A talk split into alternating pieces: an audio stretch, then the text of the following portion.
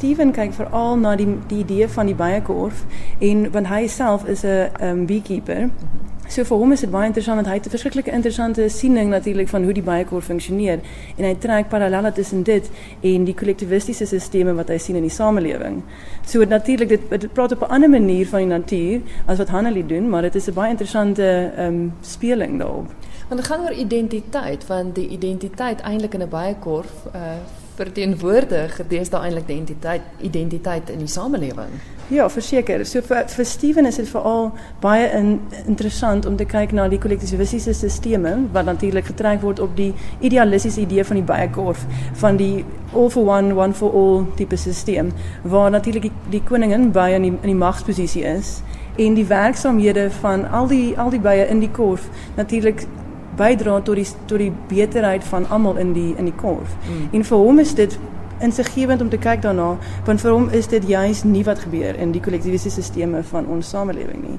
So hy kyk veral na byvoorbeeld sekere metafore wat hy terugtrek in sy werk, soos Obama wat hy inbring in in een van die werke hier in kant.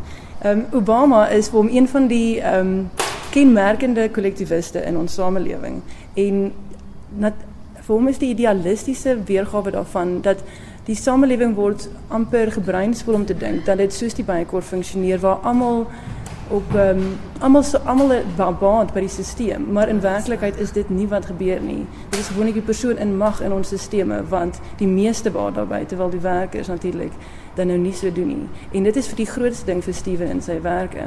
Daarom sal hy ook so sekere simbole gebruik soos 'n uh, ehm, hy kyk veral na die vrye messelaars as 'n metafoor vir hierdie tipe tipe kollektivistiese stelsels.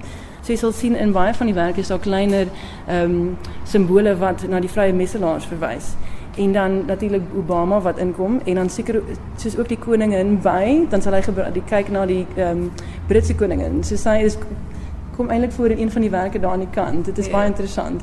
En hy het ook een hy het ook so 'n Britse ponde wat hy gehad het vir 'n lang tyd wat hy opgesny het in een van hierdie werke sal jy sien een van die koningin se oë wat in hierdie soos baie korf tipe van werk ingese, ingesetel is wat baie interessante speling is. So hy kyk hy het 'n baie um, sagte manier om te verwys na die baie korf. So dis nie 'n ooglopende baie korf wat hy inbring om om baie ehm um, eksplisiet daarna verwys nie, maar daar's heelwat tekens aan ons soos hierdie boks aan die kant mm -hmm. het 'n baie korf tipe gevoel daaraan maar dit is nie jy dit is eintlik net 'n ehm um, 'n ou boks wat hy gevind het wat die hele idee van 'n baie korf ja Dit is interessant die verskillende mediums waarna hy werk want ek meen hier so, so twee portrette wat wat hier hang, sulke wasige portrette. Die, die stekenwerk, hier selfs beeldhouwerk. Ja, hy is verskriklik veelsidig. Ehm um, jy sal sien wat baie interessant is vir my in die in die tekenwerke wat jy daar aan die kant sien. Hy die papier het 'n baie ehm um, gefrommelde tipe effek want hy gebruik baie ehm um, hy gebruik newsprint papier mm -hmm. wat baie ehm um, poreuse samestelling het, maar dan nadat hy geteken het daarop, dan dan ehm um, sit hy hele waslaag bo oor by these bags. Wat vir my baie interessant verder is want hy speel met wat het. So as 'n beekeeper het hy natuurlik hierdie medium wat hy terugtrek as 'n metafoor dan in die selfs in die medium. En natuurlik ook die die ehm um, baie wat hy die baie korwe wat ehm um, kerf uit hout uit. Alles verskriklik ehm um, presies. Hy is baie puntenerig met sy al sy prosesse.